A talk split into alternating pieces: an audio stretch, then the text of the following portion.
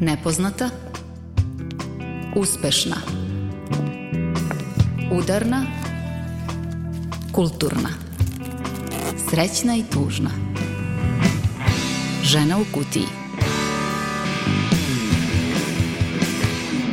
Dobar dan, na redu je poslednja žena u kutiji u ovoj petoj sezoni. Sa vama kao i do sada u narednih sat vremena Tamara Srijemac i Milica Kravićak-Samit. Emisija ide na letnju pauzu, slušamo se od jeseni, a do tada predlažemo da potražite ostale emisije na sajtu RTV-a, na servisu odloženog slušanja ili na našoj Facebook stranici. A koje teme današnja žena u kutiji pokreće?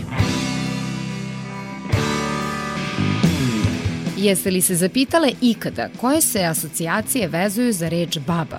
Osim one kada mislimo na majku naših roditelja, padnu li nam na pamet silne reči ružnog značenja? Upravo stereotipnu sliku koja prati starije žene u Srbiji danas analiziraće naše sagovornice.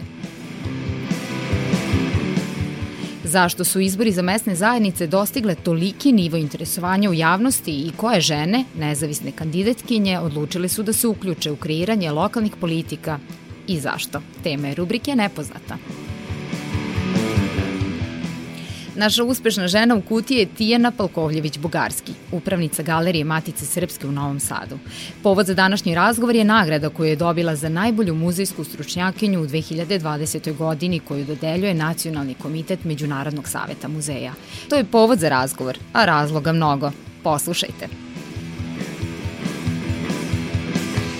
Udarna žena u kutiji. Odmah na početku emisije zapitaćemo se šta starije žene mogu ili ne u Srbiji danas.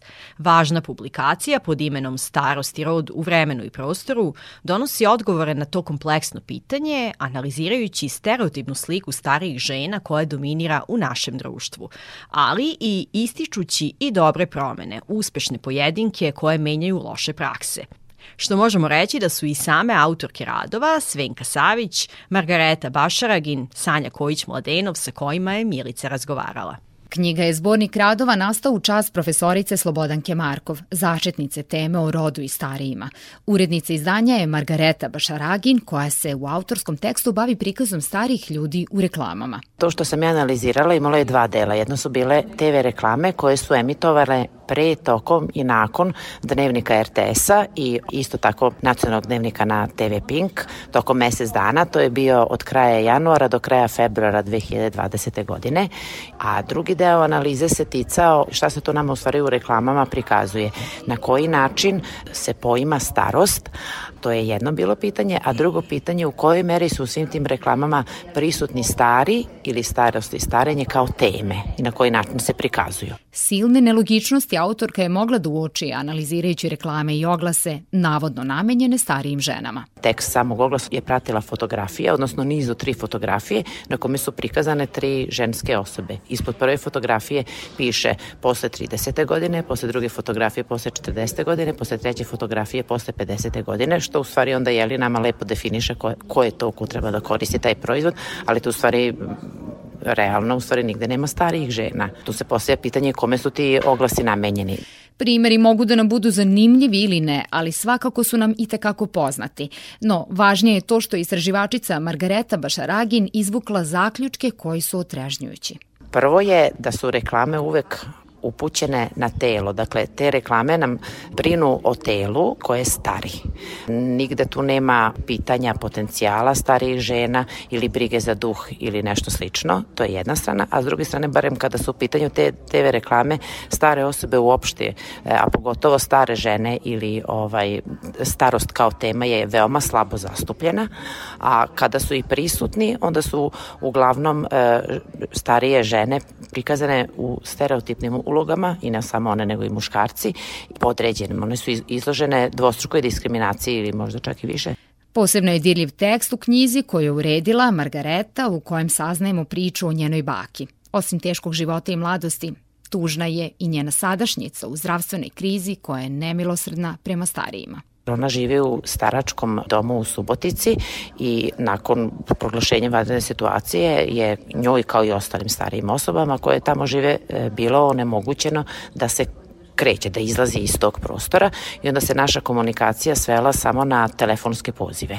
Pošto je obolela srčano oboljenje, nju jednog trenutka pozvilo nezavisno od svega toga i morala je da ode kod lekara i onda je zbog tih raznih propisa koje e, su vladali tada e, bila prinuđena da provede određeno vreme u izolaciji, a plus toga morala da ide na kontrolu, pa kada se sve sabere, ona je više od mesec dana provela sama, samcita u sobi, bez telefona. Ja sam se sa njom konačno videla, da, ona je rekla ovde je gore nego u Jasenovcu, jer je, nažalost, kada je bila devojčica, zajedno sa svojom porodicom, bila u Jasenovcu. Ona je inače Nemica, ali je otac bio komunista i e, najverovatnije iz tog razloga je ona zajedno sa bratom, sestrom, majkom i svojom bakom tamo boravila. Recezentkinja zbirke radova starosti rodu, vremenu i prostoru je Smiljana Milinkov. Ovaj zbornik je važan zato što sem primera a, marginalizacije i diskriminacije starih, odnosno starih žena prevaskodno, pokazuje i donosi preporuke na koji način poboljšati položaj i uopšte širiti e, svest da je percepcija starih žena može biti drugačija i poželjno je da bude drugačija. Starosti i rod u vremenu i prostoru ne bi kompletno slikavao položaj starije žene ako je ne promatra i kroz umetničku perspektivu. Sanja Kojić Mladenov istražila je kroz istoriju umetnosti upravo taj aspekt i prve prikaze našla u hrišćanskoj umetnosti. U okviru nje e, se starija žena e, uglavnom prikazuje na isti način kao i mlađa žena. Mi u suštini znamo da je ona starija samo na osnovu tog nekog narativnog e, zapisa, naziva dela, znači to, tog nekog tekstualne osnove dela. Osim u slučajevima kada se žena ne prikazuje na način vernice koja je u af, ima afirmativnu ulogu, već kada se prikazuje više kao mana u alegorijskim predstavama, tu se onda starija žena predstavlja vidljivo starija, obično sa nekim seksualnim karakteristikama, može biti delimično naga i tu je njena znači, uloga, uloga e, društveno neprihvatljive osobe koje je družbenica đavola. Sličan način prezentovanja starije žene jesu scene lova na veštice, kada počinje i da se formira takav kulturni kod koji se kasnije prenosi u druge segmente društva, bajke, crtene filmove, pop kulturu. To je način kako mi danas percipiramo stariju ženu kao pogurenu osobu sa štapom karakterističnog izraza lica, objašnjava Kojić Mladenov. To je slika koja se kasnije iz tog kako da kažemo, neko, neke umetnosti koje je više vezana za religiju, prenosi kasnije u građansku umetnost, pa mi često starije žene možemo u kasnijeg periodu da vidimo prezentovane na sličan način. Ključne promene, kaže autorka teksta, dolaze u 20. veku kada u umetnost više ulaze žene i kada se njena pozicija menja iz objekta u subjekt gde i same umetnice prezentuju sebe u starijim godinama kroz fotografiju, kroz performans, kroz video i slično i u, na taj način mi sada možemo da sagledamo starije žene na neki afirmativan način gde one same iskazuju svoju starost kao nešto što je vrlina, kao nešto što donosi iskustvo, što je odlika uh, jednih pozitivnih vrednosti koje se prenose u društvu.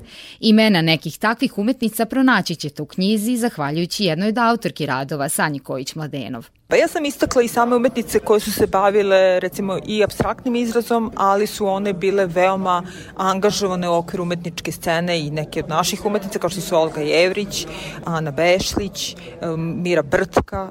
Istakla sam i radove umetnice Jelene Bulajić koja je imala u Muzeju savremene umetnosti Vojvodine veliku samostalnu izložbu 2019. godine, a koja kao svoju ključnu temu umetničkim radovima ima baš portret starijih osoba, pogotovo žena.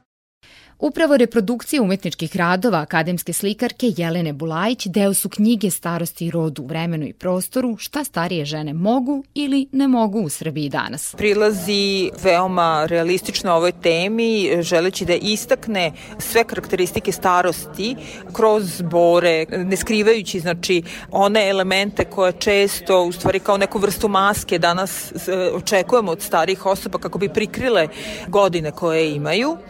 Ona ih otvoreno prikazuje, čini vidljivim i na taj način izlaže u nekim elitnim mestima, ne samo kod nas, nego i u svetu i želi da pokaže na koji način stvari te bore predstavljaju jednu uh, istrajnost, uh, jednu mudrost. Profesorka emerita Svenka Savić želela je kroz svoje tekstove da poruči i dokaže da je u našem društvu starija žena, kako mnogi kažu baba, sankcionisana. Ja koristim termin starija žena, ali u rečniku je baba. I onda tamo ima objašnjenje koje su to još reči povezane sa babom, jeli? onda pogledaš šta piše o dedi. Pa o dedi ne piše ništa loše, samo piše Deda Mraz. A ko je Deda Mraz? On nam samo donosi poklone i mi ga volimo. A za babu čitav niz. A da babu čitav niz vidjet ćeš u knjizi. Kako smatra emerita, naša uticajna lingvistkinja Svenka Savić, odrastajući učili smo da je starost, pogotovo starija žena, ružna i strašna. Važno je znati da deca od malih nogu slučaju o babama u negativnom kontekstu, bilo da se radi u jezičkom ophođenju, jeli babaroga, namići tamo poješćete babaroga i tako dalje, dakle plašenje, do ove bajki kojima se čita i koje m, onda imaju neku babu ili staru ženu koja je ili nekoj mladoj ženi smešta nešto kao trnova ružica, je tako? i koja je prevejana i koja ima neke moći i tako dalje, do nekih priča, jeli, koje su ovaj, deo, da tako kažem, našeg nasleđa. Zato mi kao formirane članice i članovi društva imamo te konstrukte, a profesorka Savić smatra da jezik oslikava ono što je u svesti odraslih odrasli moraju promeniti svoje shvatanje o starima, jer će i sami ti roditelji će sutra biti starije. Takođe u našoj kulturi ne govori se o smrti kao nečemu što je deo prirodnog procesa, pa se rodiš pa ali i umreš, jeli? ali nešto da je lepo, nego uvek je i ta starost i ta smrt na, u nekoj neprijatnoj situaciji. Drugim rečima, mi se zalažemo za dostojanstven e, pristup starim osobama i njihovim životima, bez obzira da li smatramo da je stara osoba od 65 ili od 85 ili 95, to ne. Ako uspemo te konstrukte, predrasude i shvatanja da razbijemo, Promene su moguće, zaključuje profesorka emerita Svenka Savić. Onda će nam i rečnik biti drugčije konstruisan i tako dalje i tako dalje. Stereotipi su svuda oko nas. Ono što mi nastojimo je da ukažemo da stereotipi postoje i da ih treba menjati. Nećemo uspeti sami, ali s pomoć nekih drugih ćemo uspeti. Slušamo ženu koja prkosi svim stereotipima i u mlađem dobu i danas posle mnogo godina provedenih u muzičkoj industriji. Josipa Lisac, slušamo njenu Niko nije kao ti. Prevariš me koji put tako providno Izmisliš pa neku stvar, smiješnu stvar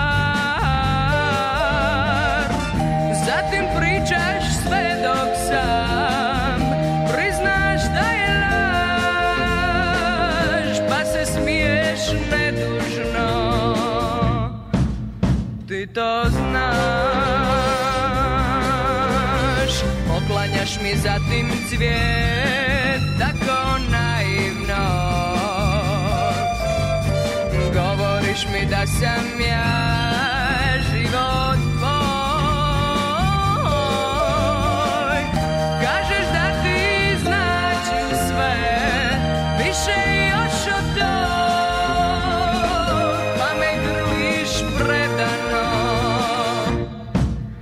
jer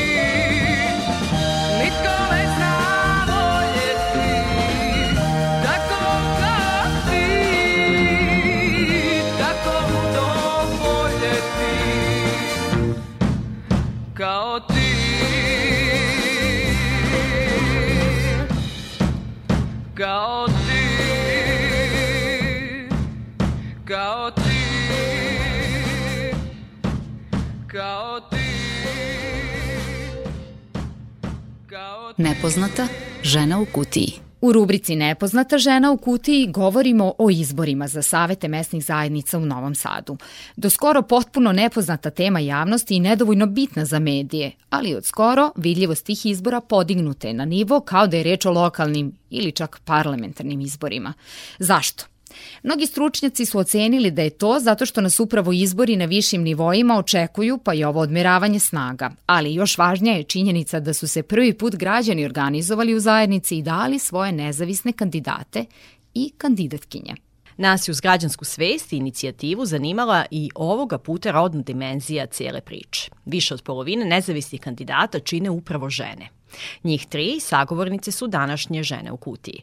Zajedničko im je to što su odlučile da preuzmu inicijativu i odlučile da pokušaju da učestvuju u kreiranju javnih politika. Bojana Bodroža sa Telepa, Dragana Movrin sa Novog naselja i Višnja Baćanović sa Limana slične stvari navode kao motive za kandidaturu. Generalno, već neko vreme, bar pola godine, možda i više, razmišljam na koje različite načine ja mogu da doprinesem svoje široj zajednici. Jer se nalazimo u takvom istorijskom momentu da svi čekamo neke promene, a zapravo svi se nalazimo u tom stanju da čekamo da neko drugi nešto uradi.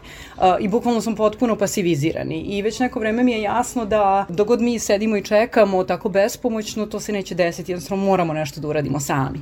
I onda sam negde tražila neke domene koji su meni bliski e, i koje smatram lično važnim i u profesionalnom i u drugom smislu, e, gde bih ja mogla se angažujem da nešto bare malo pokušam. Pa sve je krenulo od te inicijative u stvari za zeleno novo naselje gde su par žena krenulo od toga da skupljaju potpise sa kojima sam se ja upoznala. Već jedna žena je bila kandidatkinja, Dragana Prebišev i uglavnom sam odlučila da, da bi trebala da izađem i posle sam čula da se još e, troje ljudi prijavilo i onda smo odlučili da napravimo neku našu zajedničku listu, čisto da ljudima budemo učljivi i da trošimo manje para iz naših ličnih budžeta za reklamu i za sve ostalo. Ja nikad nisam razmišljala o sobstvenom angažmanu kao, ne znam, profesionalnog političara. To nije nešto što, što je meni blisko, što sam ikada želela i onda kada sam e, čula za ovu priču o izborima za mesne zajednice, a čula sam e, pre recimo par meseci, znači ja nisam od onih koji su se u poslednjem momentu uključili,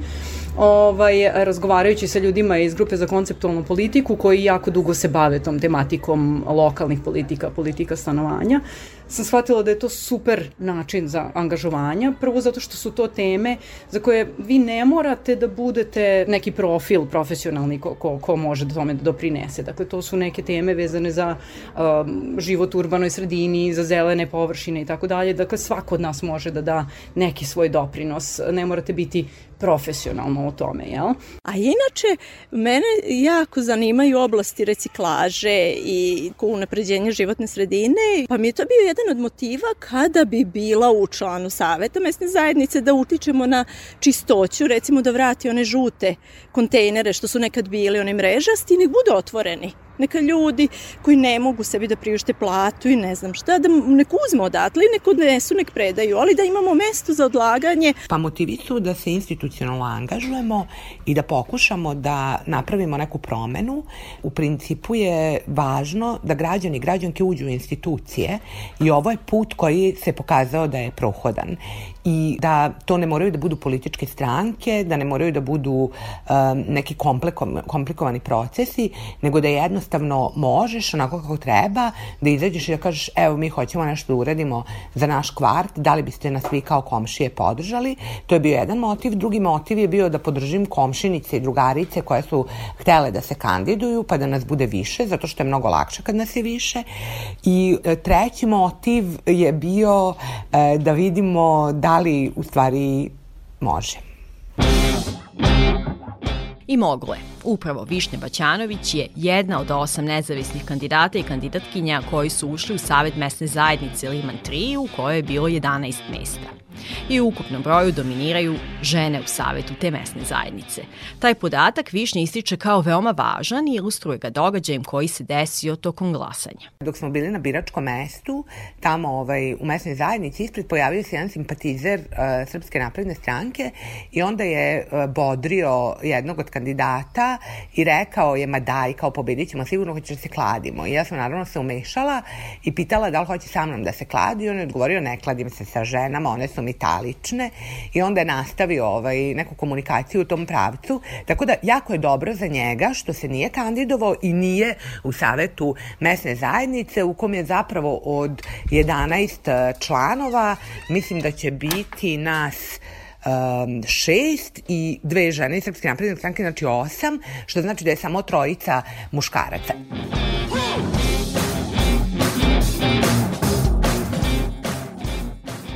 Ceo događaj pokazuje da su stranačke politike i dalje izuzetno maskulinizovane, dodaje Višnja Baćanović. Kaže da je to slučaj i na nivou mesnih zajednica. Na to ono asocijacija na mesnu zajednicu kao neke dede igraju šah i jednostavno ti tu ne možeš da prođeš zato što oni u tebe kao mladu ženu ili ženu uopšte jednostavno nemaju poverenja, ne fermaju te, ne daju ti nikakav legitimitet. To se videlo iz tog njegovog kao ne kladim se sa ženama. Jednostavno njemu to ono je ispod časti da ono što sa mnom bilo šta razgovara i odmah je to krenulo u neku kao poluseksualnu konotaciju, kao talične su mi, ja jako volim žene i sve te ono primitivne koncepcije. Ako imaš problem, nedostatak volje, onda slušaj ovo Da se sa razlogom može govoriti o ženskom domenu na ovim izborima, kaže i Branka Ćurčić iz Grupe za konceptualnu politiku koja se već 10 godina bavi pitanjem lokalne i mesne samouprave i značaja mesnih zajednica. Upravo zbog broja žena koje su odlučile da se kandiduju, a neke su i uspele da uđu u savete novosadskih mesnih zajednica. I to nije čudno, jer po mom iskustvu žene jesu vrlo angažovane i često vrlo angažovanije od muškaraca.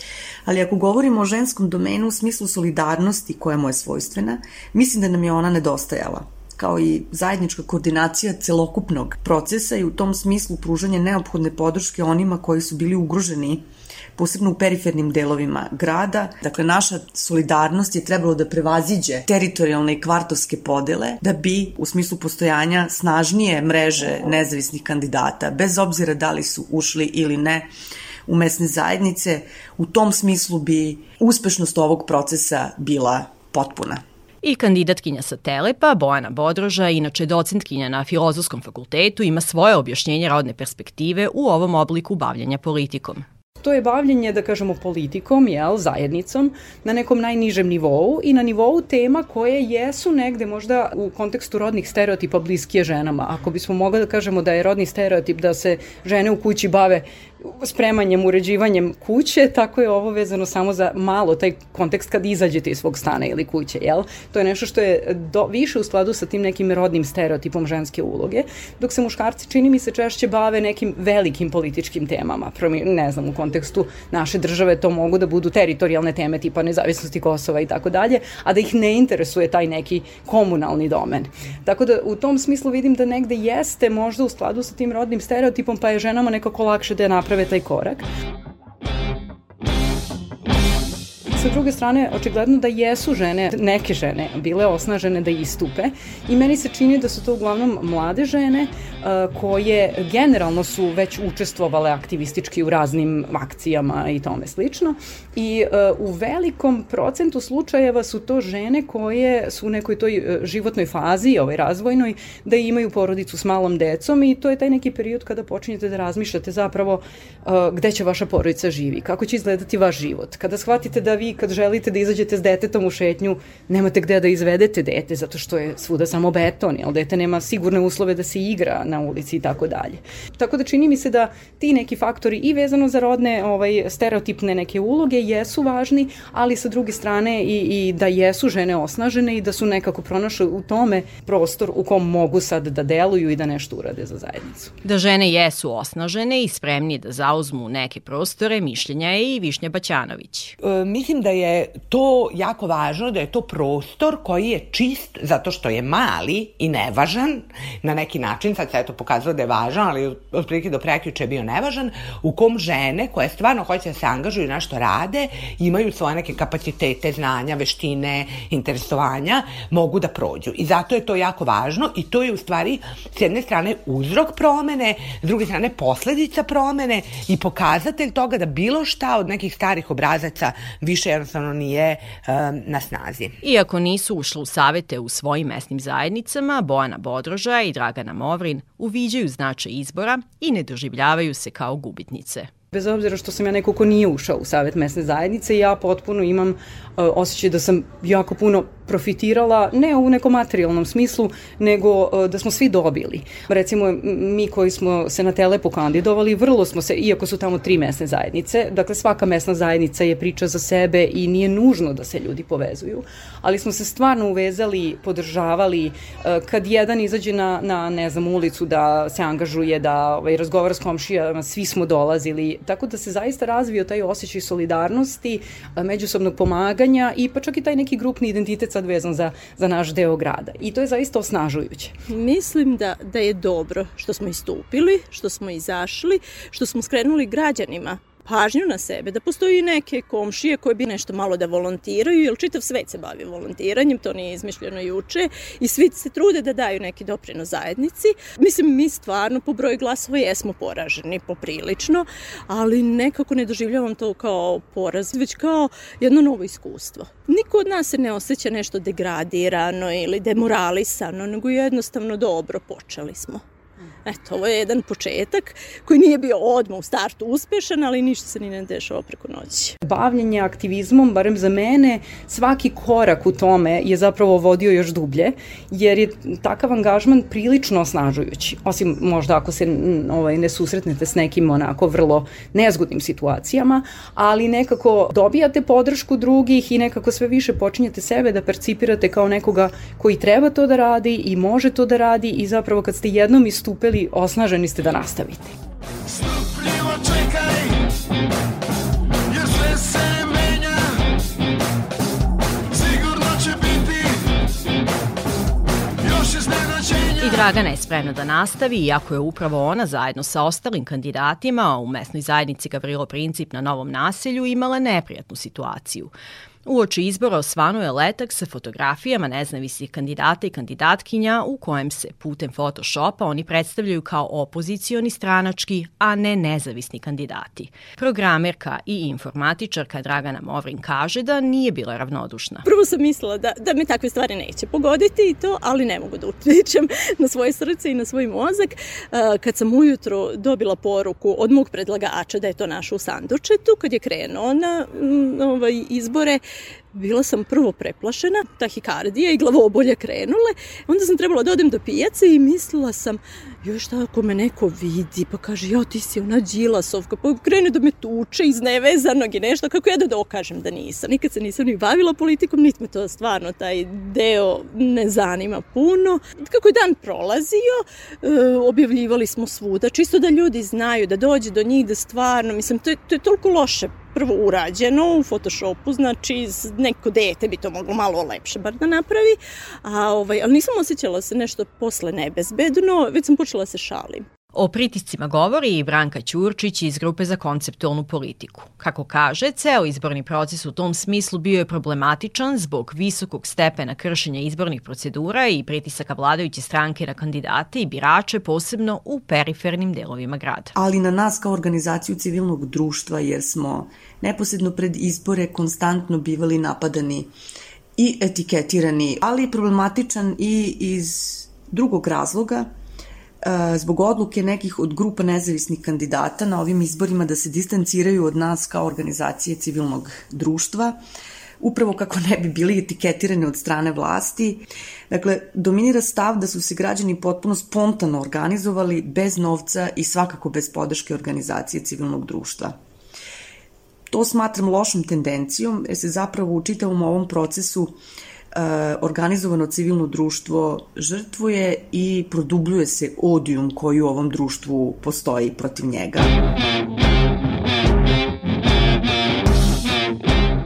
Da ovogodišnji izbori ipak imaju značaj u sociološkom smislu, jačanju građanske svesti, inicijative, demokratije, transparentnosti, smatra sociološkinja i nezavisna članica Saveta mesne zajednice Liman 3, Višnja Baćanović.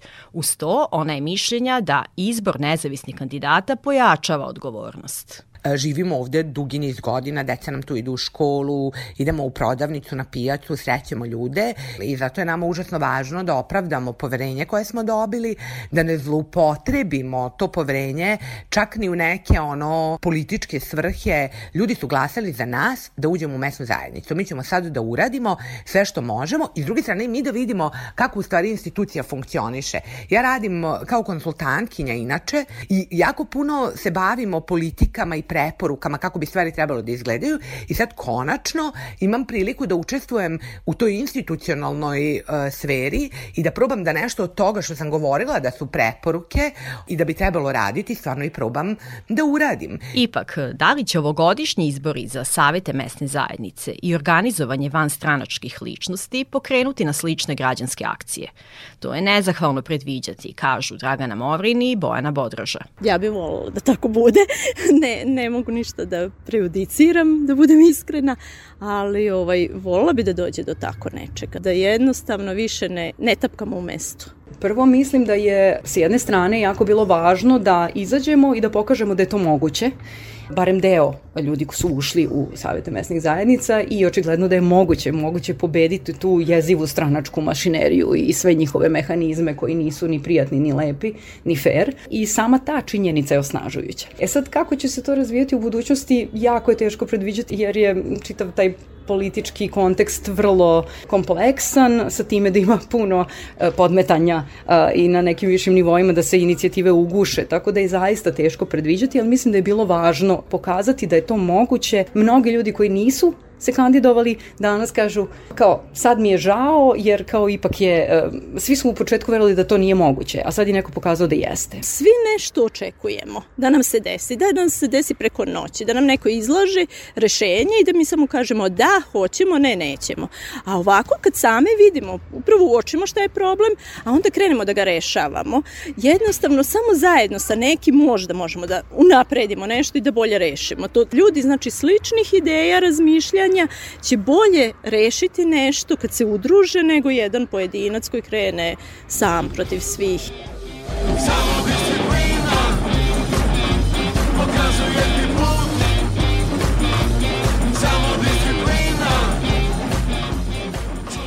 A njih osmoro u mesnoj zajednici Liman 3 udruženi su i očekuju promene u svom kraju, kaže Višnja Baćanović. Prvo, ono što nam je plan je da napravimo zborove građana, da pitamo decu šta žele, da pitamo mlade šta žele, pitamo stare šta žele, da pitamo e, nas, srednju generaciju šta želimo, šta nam je potrebno, da izlistamo probleme, da izlistamo predloge, da objavimo koliki je budžet mesne zajednice. Mislim da će to biti prvi put da su građani na taj način o tome informisani koliko u stvari u tom budžetu ima novaca, kako možemo da ga rasporedimo, e, da napravimo neki godišnji plan rada, da napravimo neki izveš izveštaj o radu posle pola godine, da nekako taj koncept odgovornosti pojačamo, transparentnosti pojačamo, ali to je nekako bio i cilj igre, da otvorimo tu mesnu zajednicu za ljude. Samo disciplina pokazuje ti put Posle discipline kičme, koju smo slušale u prethodnoj priči, I posle priča žena koje su odlučile da se bore, nastavljamo fajterski, kakve jesu, sve u grupi Tri kapljice.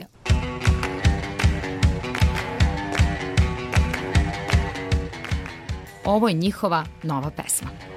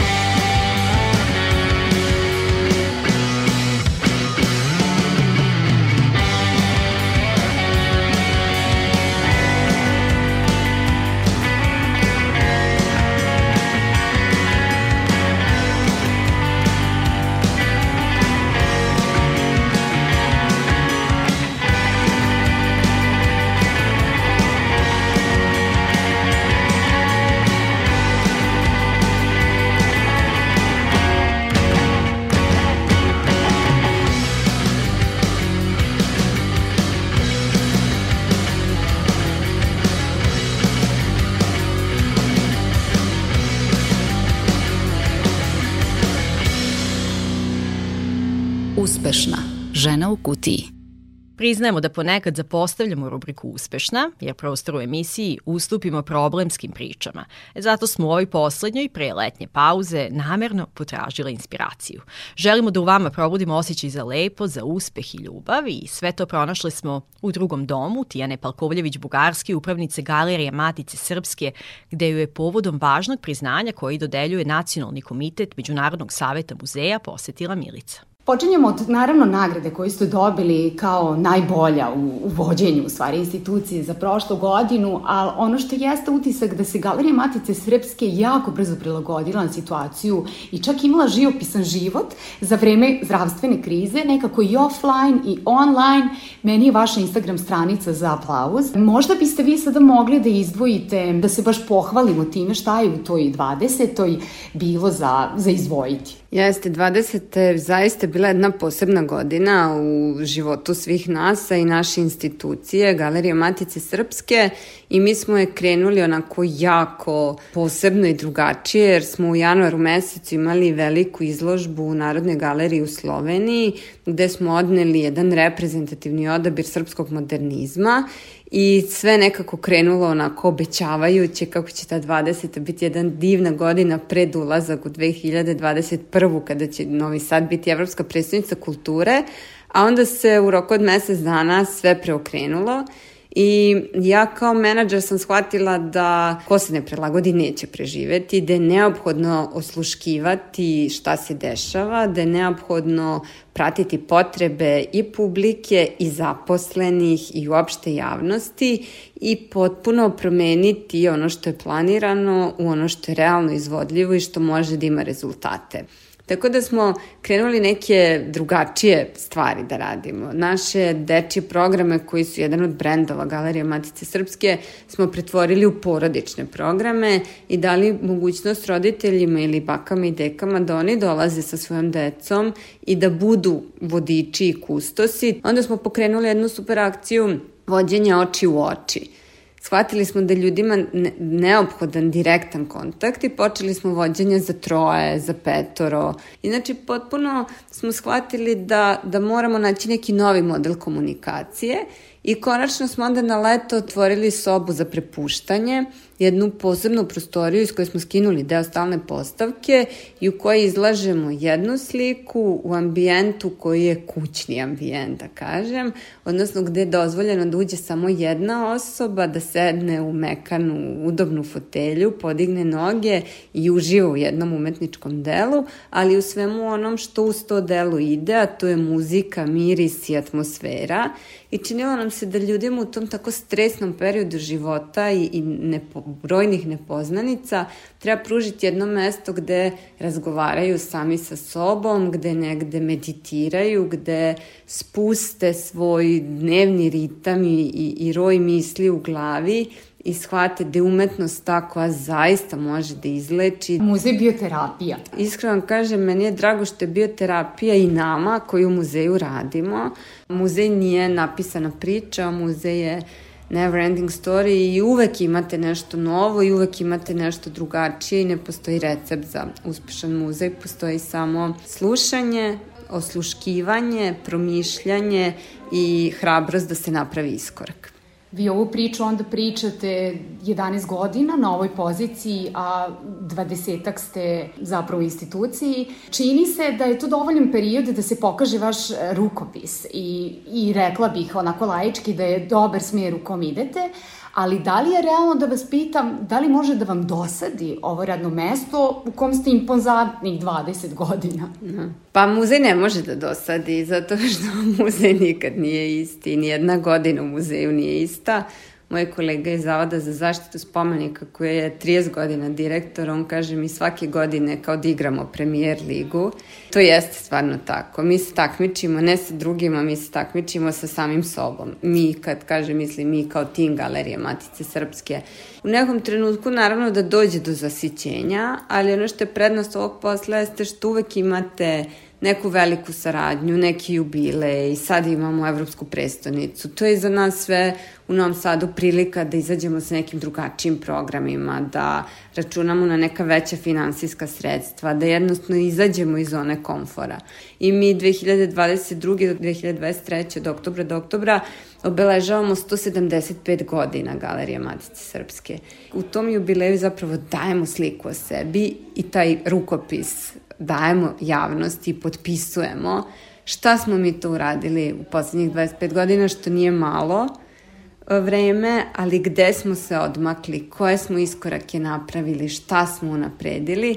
I za mene je taj jubile jedan novi veliki izazov i ja verujem da ćemo mi kao institucija opravdati poverenje svojih osnivača i pokazati da ni posle 175 godina nismo izgubili njihov entuzijazam. E, to mi je zanimljivo što kažete, zato što sam pročitala intervju od pre recimo pet godina gde vi kažete da nedostaje gradu e, usmeravanje reflektora, niste tim rečima, ali to je suština, na, na muzeje, uglavnom su turistički festivali u fokusu.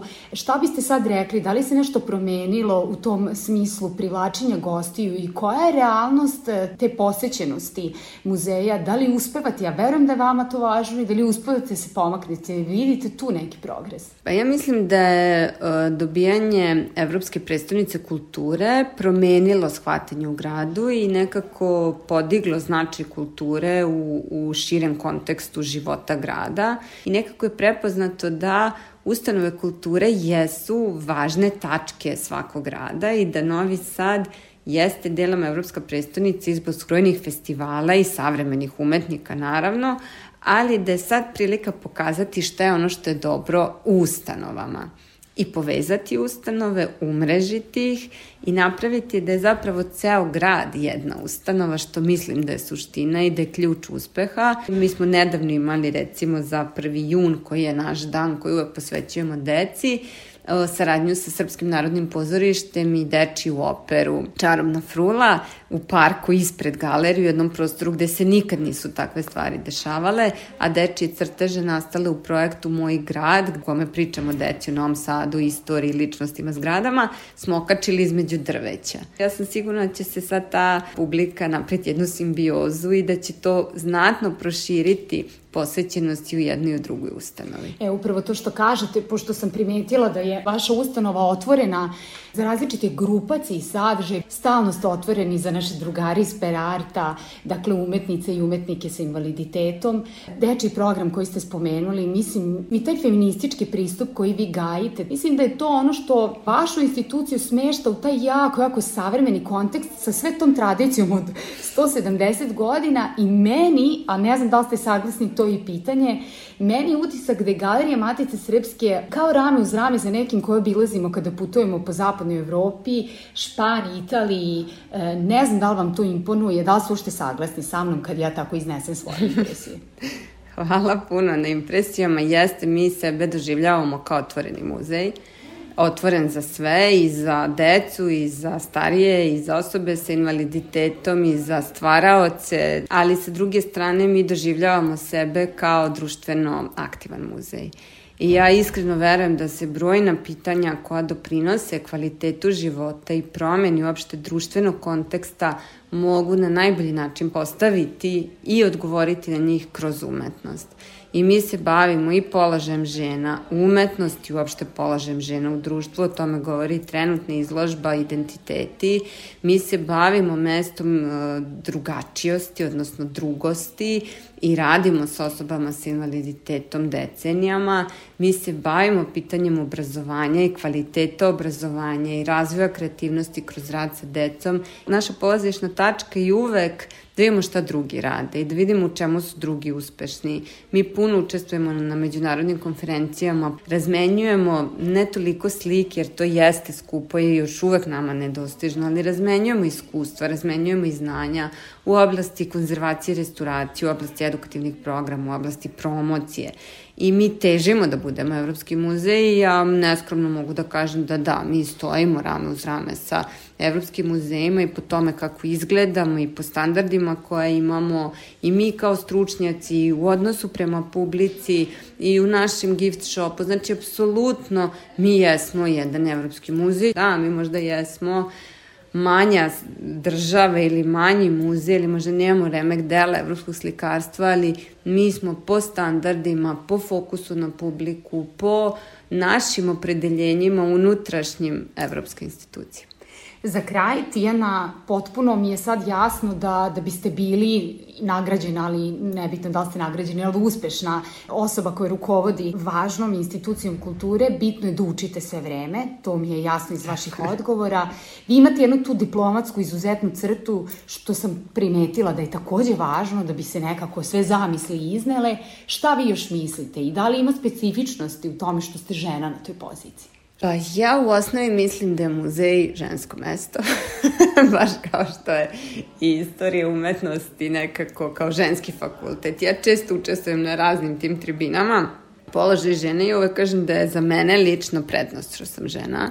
Prednost je zato što sam majka i prednost je zato što imam tri sina i prednost je što imam dva braka iza sebe, odnosno u drugom sam braku. I ja mislim da to sve doprinosi upravo tom razvoju tolerancije, demokratije, svesti da ne možeš sve uvek glavom kroz zid, da moraš prilagođavati, rešavati, donositi odluke, nekad oštro, nekad meko, nekad popustiti, nekad zategnuti. I mislim da biti direktorka muzeja jeste jedna zaista privilegija u životu i meni ne smeta što sam žena, ja volim što sam žena i mislim da najvećim delom svoj posao radim dobro baš zato što sam žena i majka. A jeste primetili da nekom drugom smeta? Ne znam, i ne interesuje. U tom smislu nekih prepreka koje su, ne, su zbog toga ne, tu? Ne, ne, ja mislim da pametna žena to može uvek da preokrene, da iskoristi, da izvuče najbolje iz, iz svoje pozicije i zaista mislim da to nikad nije ograničavajući faktor, naprotiv da je kvalitet.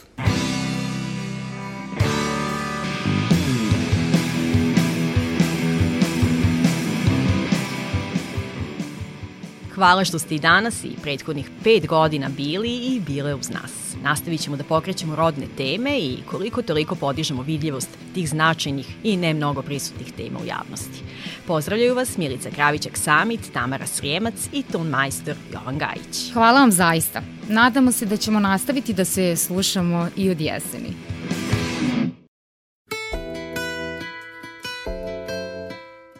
Naravno, ne odlazimo bez muzičkog pozdrava. Završavamo u našem maniru sa našom Remi. Slušate Elemental u moje glavi. Doviđenja. U maloj plavoj sobi smo ja i on Dijelili sve osmijehe i tijelo jelo I pola stanarine košnice Čuli smo tuđi tebe i sve kečlica i šum vode I stenjanje susjede. Ponekad bi pričali kako pobjeći u nepoznato On je rekao da ne srljamo i pričekamo Ali i čekanje ja bi odmah živjela. On je ostao u sobici, meni je postala premala